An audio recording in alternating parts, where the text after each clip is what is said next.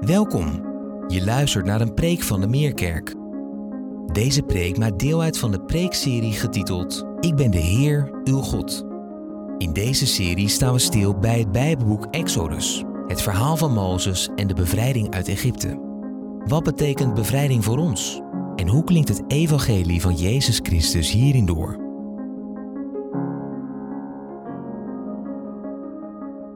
Terwijl we dit zo lazen, moet ik denken aan het feit dat terwijl wij hier in alle rust en vrede en comfort bij elkaar zitten, is er een verschrikkelijke cycloon met onwaarschijnlijke windsnelheden die op dit moment landt in Bangladesh en Myanmar. Waar ontzettend veel straatarme mensen wonen. En heb ik het op mijn hart als we net dit zo gelezen hebben van de doortocht door de zee en het verzwelgen van de Egyptenaren om voor hen te bidden. Mag ik u daar kort in voorgaan? Vader in de hemel, als we zien hoe sommige mensen zo ongelooflijk moeten lijden door oorlog en ook door natuurgeweld, zoals in Bangladesh en Myanmar. Heren, dan willen we u bidden en vragen, alstublieft, wilt u mensen daar sparen? Wilt u mensen hun roepen horen? Wilt u geven dat in de ellende mensen zich tot u mogen keren, Heer? En we willen zo hen bij u brengen en de nood van deze wereld. Terwijl wij zo'n comfortabel leven leiden, willen we denken aan hen die dat allemaal niet kennen, die leven in armoede en die leven in zulke verschrikkelijk moeilijke omstandigheden. Heer, wilt u hen sparen en bewaren? In Jezus' naam bidden we u dat. Amen. Vandaag gaan we kijken naar de uittocht van Israël uit Egypte en dan met name naar de doortocht door de zee, waarmee het volk Israël een onomkeerbare grens passeert, het verleden definitief achter zich laat en op weg gaan naar hun toekomst in het beloofde land. En de vijand die verslagen is, zij zijn vrij. We denken hiermee over, na over de geschiedenis van Israël. En daarvan staat in 1 Korinthe 10, vers 6. Dit alles strekt ons tot voorbeeld. Met andere woorden, dat wat er met Israël gebeurde, dat is ook een voorbeeld voor ons. En zo ehm, hebben jullie in de Meerkerk deze serie over de uittocht, de doortocht en uh, op weg naar het beloofde land, om ook daarin zeg maar een voorbeeld te zien en een stukje verdieping te ervaren over wat betekent het dat Jezus ons verlost heeft en dat wij op weg gaan naar de toekomst, het beloofde land. Misschien zit je hier een beetje in de knoop. Je zoekt bevrijding, en de ontwikkelingen in de wereld die baren je zorgen. En de wereld geeft je weinig reëel perspectief. Je verlangt naar bevrijding en je verlangt naar toekomst. Dat is nou precies wat het evangelie ons te bieden heeft. En dat is precies wat God ons geven wil, waar jij en ik, waar we zo intens naar kunnen hunkeren. We hebben gelezen in Exodus 14. En dan onderstreep ik nog even die woorden dat God zegt tegen het volk, u hoeft zelf niets te doen. En dan later in vers 21, hij veranderde de zee in droog land. Onze redding, hun redding en onze redding. Wij kunnen daar zelf niets aan doen. Het Nieuwe Testament leert ons, door genade ben je behouden. Door genade ben je behouden. Niet uit werken opdat niemand roemen. Wij hebben er zelf niks aan kunnen bijdragen. Dat is helemaal Gods werk. Dan gaat het volk Israël van slavernij naar de vrijheid. En dan wil ik beginnen met daar eens over na te denken. Wat, wat is vrijheid? Wanneer, wanneer ben je vrij?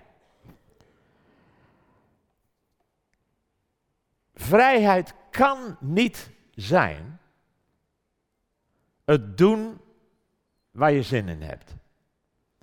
Want op het moment dat jij wil doen waar je zin in hebt, en ik wil doen waar ik zin in heb, maar die twee zijn conflicterend met elkaar, dan is er oorlog, strijd, haat en nijd. Dus vrijheid kan niet zijn doen waar je zin in hebt. Als je kijkt naar mensen die afstuderen, of die topsport bedrijven, of die een kunstwerk willen maken, die weten dat dat onmogelijk is als ze niet voor zichzelf zich bepaalde begrenzingen opleggen en keuzes maken. Anders is dat niet, dat afstuderen, dat is niet voor hun. Die topsportprestatie, dat is niet voor hem of haar. Als je niet bereid bent om daarin jezelf beperkingen op te leggen en keuzes te maken. Tim Keller, en ik weet niet of je wel eens wat gelezen hebt van Tim Keller. Ik ben uh, een fan van Tim. Hij heeft kanker, dominee, kanker, maar hij heeft in deze laatste fase van zijn leven op advies van anderen heel veel van zijn preken en zijn denken op papier gezet en zijn boeken zijn bijna allemaal echt ontzettend lezenswaardig. In een van zijn boeken zegt hij dit over vrijheid. Je bent niet vrij om te kiezen wat je maar wilt. Dat is een onmogelijke opvatting. Het is niet de manier waarop vrijheid functioneert. Liefdesrelaties, bijvoorbeeld, werken niet zo. Je kunt in die zin niet volkomen vrij zijn en tegelijkertijd een innige liefdesband onderhouden. Negatieve vrijheid is vrijheid van. Niets mag onze keuzes in de weg staan. Positieve vrijheid is vrij zijn voor iets. Je gebruikt je vrijheid voor een bepaalde manier van leven. De beste vorm van vrijheid is jouw keuzes ondergeschikt te maken aan de realiteiten die passen bij jouw voornemen. En zo is Israël van de slavernij, het dienen van de farao, naar de vrijheid tot het dienen van God. Vrijheid tot het dienen van God. Jezus zou er later over zeggen: Wanneer de zoon u vrij zal maken, dan zult u werkelijk vrij zijn. Je bent vrij, zegt Jezus, als je mij volgt. En daarmee tot jouw eeuwige bestemming komt. Over die uittocht een paar observaties. In de eerste plaats is de uittocht slechts het begin. Het is ook het makkelijkste deel. Die uittocht inclusief wat wij net gelezen hebben, en de slavernij van Egypte, dat bevat, dat beslaat veertien hoofdstukken in Exodus. Maar dat is allemaal nog maar het begin.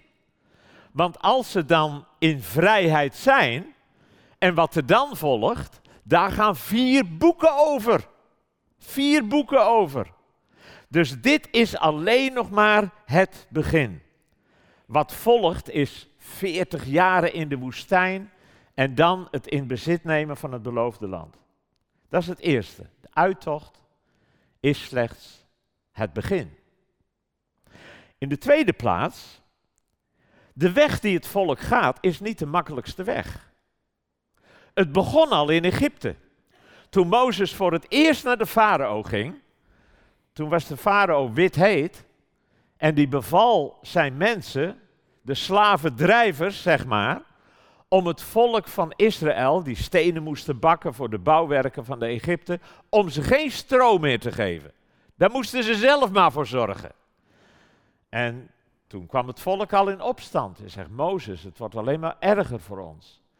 En dan later, nadat al die, die, die, die wonderen zijn gebeurd, de plagen van Egypte, waar vorige week over is gesproken door Patrick, en dan het Pesachmaal gevierd wordt. Ze moeten een lam slachten en dat bloed aan de deur, dorpel, brengen. En dan zal de engel van het verderf de huizen voorbij gaan waar het bloed is aangebracht.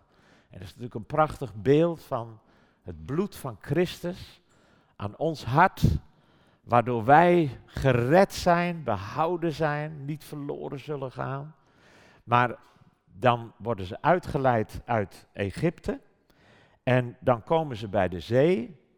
En ja hoor, de farao heeft zich bedacht, heeft zijn leger op de been gebracht, is achter hun aangekomen. En dan lopen ze daar door die wadi met bergen aan beide kanten, de zee aan de voorkant, het leger van de Egyptenaren aan de achterkant en dan breekt de paniek uit. En dan zeggen ze, Mozes, hebben wij het niet gezegd? Had ons toch maar in Egypte gelaten om hier nou in die woestijn te moeten sterven. Het is een onmogelijke situatie. Er is geen gemakkelijke weg die ze gaan. God zorgt voor uitredding, maar het is geen gemakkelijke weg. En dat is ook voor ons, als, als we besloten hebben om Jezus te gaan volgen, is dat niet de makkelijkste weg. Dan in de derde plaats, het volk Israël is geroepen om te leven voor Hem alleen. Ze zijn bevrijd van iets, maar ze zijn ook bevrijd tot iets. De uittocht had een doel. In Exodus 19, vers 5 staat: Als je mijn woorden ter harte neemt, zul je een kostbaar bezit voor mij zijn. En dan in Exodus 20 zal, later in vers 2 en 3 staan: Ik ben de Heer uw God, die u uit de slavernij heeft bevrijd. Vereer naast mij geen andere goden.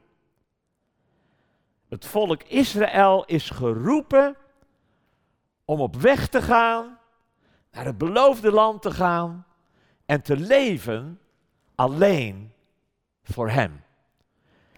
Ja, dat is ook een boodschap voor ons. Want dat is wat Jezus ook wil met ons. God houdt zo zielsveel van ons, dat Hij in Jezus naar ons is toegekomen. En God zelf, in Jezus, heeft geleden. En God zelf in Jezus is voor ons gestorven om onze schulden en zonden en ellende te vergeven en ons het nieuwe leven te schenken. God is gek op ons. Hij houdt zielsveel van ons. Maar dat betekent ook, hij wil ons voor hem alleen. Hij wil ons niet meer delen met een ander. Het is een kort geleden dat ik werd gevraagd om te, om te spreken bij de begrafenis van een Surinaamse vrouw die toen mijn vrouw en ik in 1977 in Emmeloord in de Noordoostpolder kwamen wonen om daar het OM, de OM-basis te beginnen. Toen kwam ik net uit India, waar ik een tijdje had gewerkt, en er woonden twee Surinaamse vrouwen bij ons in de buurt, Hindoestaanse vrouwen, dus van Indiase origine. Dus we hadden op een, ik kwam net uit India, maar op een hele natuurlijke manier hadden we al gauw contact met elkaar. En met name mijn vrouw, Annie, die heeft 15 jaren lang ontzettend veel tijd besteed met Sheila. We hebben het evangelie uitgelegd. We hebben het evangelie opnieuw uitgelegd. Zij heeft haar getuigenis gegeven. Ik heb mijn getuigenis gegeven. Annie heeft de hele kinderbijbel aan haar voorgelezen, want ze kon zelf niet lezen, ze was analfabeet. Dus ze heeft de hele kinderbijbel aan Sheila voorgelezen. Ze heeft het boek De Guru, de dood van de Guru, aan Sheila voorgelezen. Als we Indiase collega's hadden, dan arrangeerden we altijd een ontmoeting rond een heerlijke Surinaamse maaltijd, waarbij die Indiase collega's vertelden hoe ze vanuit het Hindoeïsme tot geloof in Christus waren gekomen. En zo 15 jaren lang. En toen kwam het punt dat mijn vrouw op een gegeven moment tegen Sila zegt: Sila, jij moet een keuze maken. En dat had Sila ook wel begrepen. Toen zei Sila tegen Annie, weet je, ik ga binnenkort naar Suriname, dan wil ik er eerst eens met mijn moeder over praten. En toen zei mijn lieve vrouw, Sila, jij moet daar niet met je moeder over praten. Jij moet zelf kiezen. Jouw moeder weet niet wat jij weet. Jouw moeder heeft niet gelezen wat wij hebben gelezen. Jouw moeder heeft niet gehoord wat jij heeft gehoord. Jij moet voor jezelf kiezen. En dan is het alles of niks. En toen zei Sila, dan wil ik Jezus volgen. Die avond zijn we bij haar in huis gegaan. We hebben de hindoe godenbeelden van de muur gehaald. We hebben dat vervangen door prachtige bijbelposters. Sila ging naar de kerk. Sila heeft zich laten dopen. En uh, een heel nieuw begin gemaakt. En nou is ze overleden op 83-jarige leeftijd. En tot mijn verbazing vroegen ze in Emmeloord of ik wilde spreken bij haar afscheidsdienst. Want wat ik nu vertelde, ja, dat is al meer dan 25 jaar geleden. Toen kwam ze in de kerk, ze kreeg een heel nieuw netwerk. En wij waren daar blij mee, want Annie had zoveel tijd aan haar gegeven. Nu waren er anderen die ook aandacht en tijd aan haar gaven. Dus dat was allemaal prachtig. Dus ik was een beetje verbaasd over het feit dat ze mij vroegen. Maar ik was er heel blij mee. Maar ik heb er heel erg over nagedacht. Want wat zeg ik tegen de Hindoestaanse relaties, familieleden die daar zullen zijn? Ik leg niet het evangelie elke dag uit aan mensen die Hindoe zijn. Hoe doe je dat? Dus ik heb daar heel veel over nagedacht. Ik heb daar veel voor gebeden. En toen was die dienst daar en toen heb ik dit ook gezegd. Dat God dat in Jezus voor ons heeft gedaan. Dat God zelf in Jezus heeft geleden. Dat God zelf in Jezus is gestorven voor ons. Dat is onbegrijpelijk. Dat, dat had geen mens kunnen bedenken dat het zo zou gaan. God houdt zo zielsveel van ons. Nou, als je dan denkt aan een, een paar dat trouwt, dat zielsveel van elkaar houdt, hopeloos verliefd is, de bruiloft is daar, dan kun je je toch niet voorstellen dat op die bruiloft de bruidegom tegen zijn bruid zal zeggen: Ach, als je nou later ook nog eens met een andere, vet naar, met een andere vent naar bed wil, dan, dan vind ik dat ook wel goed hoor. Dat kun je je niet voorstellen. Die bruidegom, die wil zijn bruid voor hem alleen. En zo is het ook met Jezus. Want dat is het probleem voor een hindoe. Als je een hindoe over Jezus vertelt, ze hebben al miljoenen goden, dan is het geen probleem om Jezus erbij te nemen. Maar om te zien, het is Jezus en het is Jezus alleen, ja, dat is een wonder. Dat is een wonder. Als een hindoe dat gaat zien en dan bereid is om alles weg te doen en alleen Jezus te gaan volgen. Maar dat is de strekking van de uittocht van Israël naar het beloofde land. God wil zijn volk voor hem alleen. Vereer naast mij geen andere goden. En dan heb ik het over Hindoes met hun goden, maar ook wij in het materialistische Westen kunnen zo makkelijk onze afgoden creëren. Waar we diepe buigingen voor maken, waar we voor willen leven, waar we ons voor inzetten, die we willen dienen, met alles wat het ons gaat kosten. Weg ermee, zegt Jezus. Ik wil jou voor mij alleen. En dan is het vierde wat je ziet in die uittocht en de doortocht door de zee, dat je het oude leven achter je laat en het nieuwe leven tegemoet gaat. Ze gaan een grens over. En daarna is er geen weg meer terug. Het is een radicaal nieuw begin. En dan denk ik aan wat hier over twee weken gaat gebeuren. Een doopdienst. Waar mensen publiekelijk laten weten, ik wil het oude leven achter me laten en ik wil nu het nieuwe leven tegemoet met Jezus. Dat is een publiekelijke, openlijke keuze. Eenmalig. Het is net als een huwelijk. En als jij van harte gelooft in Jezus, maar jij hebt nog niet die doortocht gemaakt, dan is dat over twee weken misschien jouw kans om te zeggen, dan wil ik me laten dopen. Het oude ligt achter me, het nieuwe is gekomen. Dan in de vijfde plaats zie je dat Israël kon het niet zelf. Ze konden het niet zelf om weg te gaan uit de slavendienst van Farao. Er kwamen tien plagen aan te pas voordat eindelijk Farao zover was om ze te laten gaan. Maar zelf als ze dan gaan, dan komt de farao erachteraan en dan staan ze op die onmogelijke plek, de zee aan één kant, het leger van de farao aan de andere kant.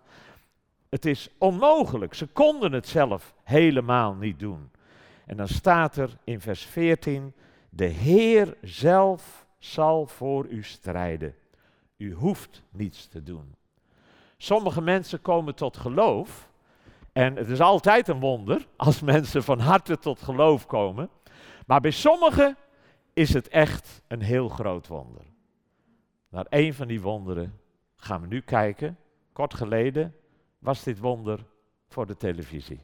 U kent de man. Je hebt een moeilijke jeugd gehad. Jouw vader was niet in beeld. Wel een stiefvader. Ja. Op een gegeven moment wordt jouw moeder ziek. Krijgt ze longkanker. Wat deed dat met jou? Dan, dan schrik je natuurlijk. Ja. En ik was twaalf, hè, dus, dus kanker is dood. Dat staat gelijk aan elkaar eh, in mijn beleving. Dus eh, ja, dan, dan ga je wel nadenken over, eh, over wat dat betekent voor ons als gezin. Ja. En mijn stiefvader kon er niet goed mee omgaan. Hij besloot om de dag daarna, nadat we dit bericht met elkaar deelden als gezin, om, om te vertrekken. Dus hij werkte in de bouw en s morgens vroeg vertrok hij altijd naar zijn werk. Alleen eh, deze ochtend, nadat we dat bericht hadden gekregen, vertrok hij en kwam hij niet meer terug. Eh, later bleek dat hij al een relatie had eh, naast de relatie met mijn moeder. En dat hij eigenlijk verder is gegaan met de relatie die hij, eh, die hij had. En ja, daar bleven wij achter als, als jongen en zus die vier jaar ouder is. En we moesten dealen met de situatie zoals die toen was. Ja. En wat Ja. deed dat? Nou, dat deed, dat deed met mij heel erg veel. Omdat hij, ik heb hem altijd gezien als mijn vader in ons, eh, in ons gezin. En als, als die man weggaat en niet meer terugkomt... eh, terwijl je daar wel als 12-jarige jongen behoefte aan hebt, aan een vaderfiguur... eh, ja, dan doet, dat, dan doet dat veel met je. Ja. Dus ik heb altijd wel, ik heb ook altijd wel de gedachte de- laten passeren... dat wat ik ervoor over zou hebben om hem terug te krijgen of zo. Om, om de situatie weer te brengen zoals die was met hem in het gezin. Ja. Maar tot Patrick's grote verdriet gebeurt dat niet. Zijn stiefvader is voorgoed verdwenen. Was je niet heel boos? ja, boos, verdrietig. Maar echt praten erover, dat, dat, ja, dat vond ik ingewikkeld. Ja, ja, je gevoel tonen en zo. Ja. Dat ging hem niet worden. Nee? Nee, nee, dat ging hem niet worden. Patrick had natuurlijk zo'n muur om zich heen gebouwd. Dat liet bijna mensen niet toe. Maar wat het nog erger maakte, was dat bijna niemand zich om hem bekommerde. Je moeder Ja. lag ook in het ziekenhuis. Dus Ja. je was ook soms gewoon Ja. alleen met je zus. Ja, ja, ja, ja, ja. thuis. ja, ja hele grote, hele lange periodes heeft mijn moeder in het ziekenhuis gelegen, ja. En wie zorgde er Ja. dan voor jullie thuis? Ja, wij. Wij zelf. Ja, wij zelf. En mijn zus en ik hadden dus ook alle ruimte om ons eigen leven de invulling te kunnen geven die wij prettig vonden. En wat, hoe werd die invulling dan? Laat naar bed gaan, eh, experimenteren met, met, met roken en met, met, eh, met drugs, want ja, who cares? Heeft ja. het je veranderd in die tijd? Ja, ten negatieve, zeker. Je kreeg een beetje scheid aan de wereld, aan de maatschappij. Dat, was een beetje, dat werd een beetje mijn houding.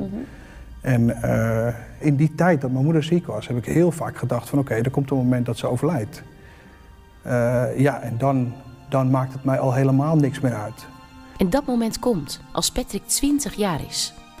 Ondanks hun moeilijke relatie is Patrick intens verdrietig. Maar vooral ook boos en vol verzet als het gaat om het geloof van zijn moeder. Geloof was echt gewoon een no-go. Dat, dat God bestaat niet. Maar dan wordt Patrick door mensen uit de kerk van zijn moeder uitgenodigd voor een Alpha-cursus. een basiscursus christelijk geloof. En de atheïst Patrick gaat de uitdaging aan. Ik ging naar de cursus met een missie. Mijn missie bij de Alpha-cursus was... ik ga in mijn groepje iedereen ervan overtuigen... dat het onmogelijk is dat God bestaat. God kan niet bestaan. Onmogelijk. Dus ik zat zo, dus ging ik tegenover die mensen zitten... en zat ik in het groepje en dan kwam het weer... ja, God houdt van mensen. Oh ja, ja, ja, ja tuurlijk, ja, God houdt van mensen. En dan, en dan ging, ik er, ging ik er tegenin, keihard tegenin... Uh, en dan kwam van, ja, weet je, maar, maar God houdt ook van jou en hij heeft een beter plan met je leven. En dan denk je, oké, ja, nou zat ik weer zo, weet je, nou, ik, ik irriteerde me mateloos aan, aan, aan, aan het zoetsappige van, van de verhalen die daar gedeeld werden. Ik, ik ben ingegaan op zijn uitnodiging om God een kans te geven. En dat betekende concreet dat hij zei van, joh, uh, durf, durf je bril van vooroordelen af te zetten en gewoon de Bijbel te lezen en te ontdekken wie God, wie God zelf is. Uh, en ga eens bidden. En heel concreet bidden gewoon voor datgene wat jou bezighoudt. Probeer ook eens te uiten naar God hoe je je voelt. wat ik al heel ingewikkeld vond. Um, en, dat, en dat vond ik misschien wel het meest lastige. Dat je, dat, en daar heb ik heel lang mee geworsteld. Dat, dat God zichzelf liet zien als een vader. Ja, daarvan dacht ik, hé? Een vader. Van ja, zie je wel, God, God gaat ook iemand zijn die me verlaat. God gaat ook iemand zijn die niet naar me omkijkt. God gaat ook iemand zijn die me in de steek laat op het moment dat ik hem het hardst nodig heb. En wat ontdekte je? Nou, dat, dat, dat, dat, het, het, beeld wat ik had, zal maar zeggen, van wat, wat, wat, wie God is. Hm? Dus als een hele strenge, boze man die vanuit de hemel op, op mensen neerkijkt als een soort big brother. En hij kijkt en hij ziet precies wat je doet en wat je niet doet. Uh, en dat, dat was mijn beeld van God. Maar ik heb, ik heb daar ontdekt voor mezelf uh, dat, dat het eerder een God is die met zijn hand uitgestrekt staat. En niet met een opgeven vinger, maar met een uitgestrekte hand. Die zijn hand reikt. Een God die zegt van, joh, het gaat erom dat ik je vasthoud. Ja, dat, dat, dat. Ongelooflijk. Ongelooflijk. Nou, dat, dat, dat, sneed, dat sneed door mijn hart. Ja, ja, ja, ja. Gewoon te zien, zou ik maar zeggen. Misschien wat te ontdekken wat ik uh, sowieso, mijn beeld van God was verkeerd. Maar nog veel dieper dan dat, uh, datgene wat ik gemist had in mijn leven, dat dat ja, in deze God te vinden is. Iemand die je vasthoudt. Ja, iemand die mij vasthoudt, die me naar me omkijkt. En die zegt, ik geef je om je en ik hou van je. Ja, dat raakte mij zo.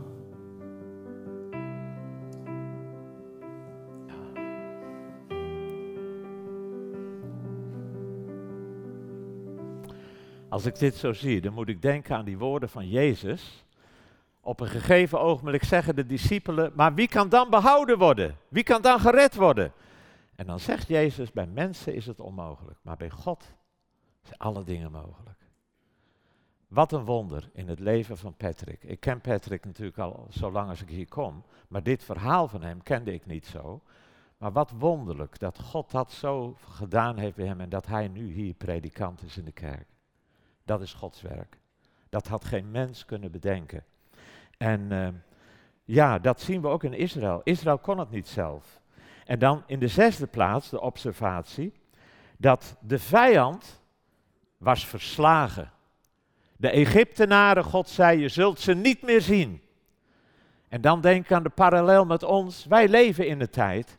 De Satan bij ons kunnen we niet zeggen dat hij er niet meer is. Hij is er nog, maar hij is een verslagen vijand. En daarmee is overwinning in ons leven, dat is mogelijk. We moeten ons niet neerleggen bij vormen van slavernij. Overwinning is mogelijk. Als je dan ergens mee strijdt, dat je zegt, joh, daar kom ik maar niet door, of wat dan ook, dan is het goed om eens met iemand van de kerk, om dat in vertrouwen te nemen en om dat te delen en om samen te bidden. Want de Satan is een verslagen vijand. En zo gaat het volk naar het beloofde land. Maar ook wij leven met het beloofde land voor ogen. Israël was al beloofd, de belofte aan Abraham, het land dat je ziet, geef ik aan jou en aan je nakomelingen voor altijd. En dan Genesis 17, voor altijd in bezit te geven. En ik zal hun God zijn. Hun toekomst was het land wat hun en Abraham al was beloofd. Maar ook wij hebben een beloofd land voor ogen. Ons beloofde land, daar lezen we over in het boek Openbaring, waar Jezus zegt, zie, ik maak alle dingen nieuw. Er komt een nieuwe hemel, een nieuwe aarde. Er komt een opstanding van de doden. En als Jezus het avondmaal instelt, gedurende het Pesach, wat hij viert met de discipelen, dan is de instelling van het avondmaal en dan zegt hij, doe dit totdat, zegt Paulus, totdat hij komt. Wij leven met het beloofde land voor ogen. In 1 Korinthe 15, en dan maak ik even de link met Pasen, 1 Korinthe 15 vers 20, daar zegt Paulus, Christus is werkelijk uit de doden opgewekt. Als eerste van de gestorvenen. En dan gaat hij verder en zegt hij, zo zullen ook wij door Christus levend worden gemaakt. Ieder op de voor hem bepaalde tijd. Christus als eerste en daarna, wanneer hij komt, zij die hem toebehoren. Jezus is opgestaan, maar als Jezus terugkomt, zullen ook zij die hem toebehoren een nieuw lichaam krijgen. Nou waren er in de Korinthekerk mensen die logenden de opstanding der doden. En daarom schrijft Paulus 1 Korinthe hoofdstuk 15, want daar gaat hij fel tegen in. En Paulus maakt duidelijk dat er wel een opstanding der doden is.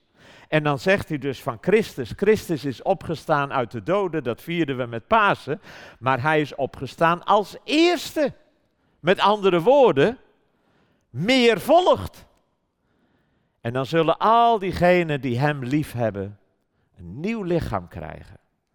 Om de nieuwe hemel, de nieuwe aarde te bevolken. En dan denk aan de distelvlinder. Het is, uh, het is vanmorgen, om tien over acht, vier jaar geleden, dat mijn vrouw overleed. Toen ik daarna een keer in het bos liep, huilend van verdriet, alleen, want ik liep nooit alleen in het bos, zag ik een vlinder. En die vlinder gebruikte God om tot mijn hart te spreken. Ik dacht, die vlinder, dat is toch wonderlijk. Eerst een eitje, daar wordt een rups. Die rups, je denkt die gaat dood. Dat wordt zo'n bruin dingetje, een kokonnetje aan een tak. En dan uit die kokon, dan komt een prachtige vlinder. En toen dacht ik, ja, dat is ons leven. Dat is ons leven. Wij zijn rupsen. En straks gaan we dood, denken we. Maar nee joh, het beste komt nog. Want dan word je later een vlinder. En dit is de rups van een distelvlinder. Stel je voor dat jij kon praten met een distelvlinder. Die distelvlinder kon jou verstaan en jij kon de distelvlinder verstaan. Die distelvlinder die zou tegen jou zeggen, ik vind het leven helemaal niet leuk. Ik zit me de hele dag vol te vreten op een tak. Ik moet uitkijken dat ik er niet afdonder. Dan kan ik opnieuw beginnen. Er zitten allemaal van die rotvogels in de buurt. Die vreten je op als je niet uitkijkt. Vindt het leven helemaal niet leuk. Dan zeg jij tegen die distelvlinder. Joh, hou nog even vol. Want straks, dan denk je, het is over en uit. En dan word je een kokon.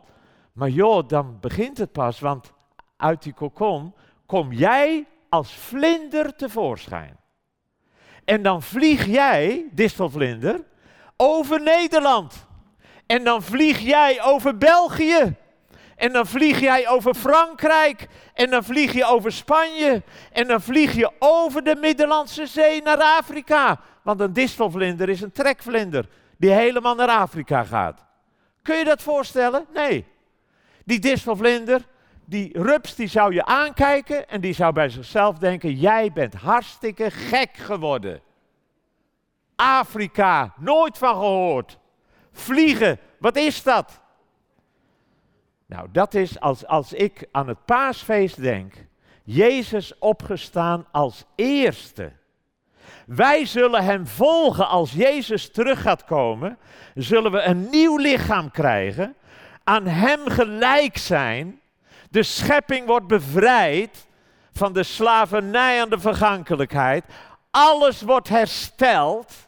Zie, ik maak alle dingen nieuw. De nieuwe hemel, de nieuwe aarde. En dan fladderen wij als vlinders in een nieuwe wereld. Wat een geweldig beloofd land hebben wij voor ogen. Door de woestijn van dit leven, in de hoop van Pasen, dat het beste nog komen gaat.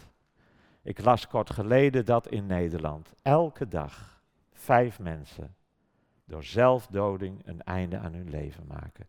Meer dan vijf zelfs, gemiddeld. Nou heeft dat onwaarschijnlijk, waarschijnlijk allerlei verdrietige redenen dat mensen dat doen. Maar ongetwijfeld is een van de redenen dat mensen geen toekomst meer zien. Ze zien geen uitweg meer. Wat is het dan toch ongelooflijk mooi. Iets om diep dankbaar voor te zijn. Dat ook al kunnen wij ons er geen voorstelling van maken, dat het beste nog komen gaat. Dat wij uit kunnen zien naar een fantastische toekomst. Ook in deze wereld, waarin we lijden van ziekte, waarin er natuurgeweld is, waarin er oorlogen zijn. Het beste, dat komt nog. De eerste christenen, er is een uitspraak van een, van een arts uit de eerste eeuw, en die omschrijft christenen twee kenmerken. Ze hebben zelfbeheersing op het seksuele vlak en ze geloven in de opstanding van de doden. En dan denk ik, oh God, geeft u dat wij als christenen in Nederland 2000 jaren later ook zo bekend mogen staan. De doortocht door de zee is een publiekelijk definitieve grensovergang voor het volk Israël. Het is ook ons. Het is ook onze grensovergang. Als wij ons laten dopen en als wij publiekelijk gaan beleiden dat wij Jezus als Heer willen dienen in ons leven. Misschien is Pasen het moment voor jou. Amen. Laten we samen bidden en dan wil ik graag een gebed bidden. Ik heb dat al eens eerder gedaan, maar ik wil het opnieuw doen.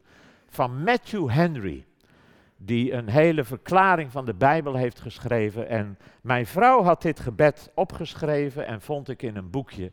En ik vind het een prachtig gebed dat ik samen graag met u, met heel ons hart, willen bidden. Zullen we dat doen?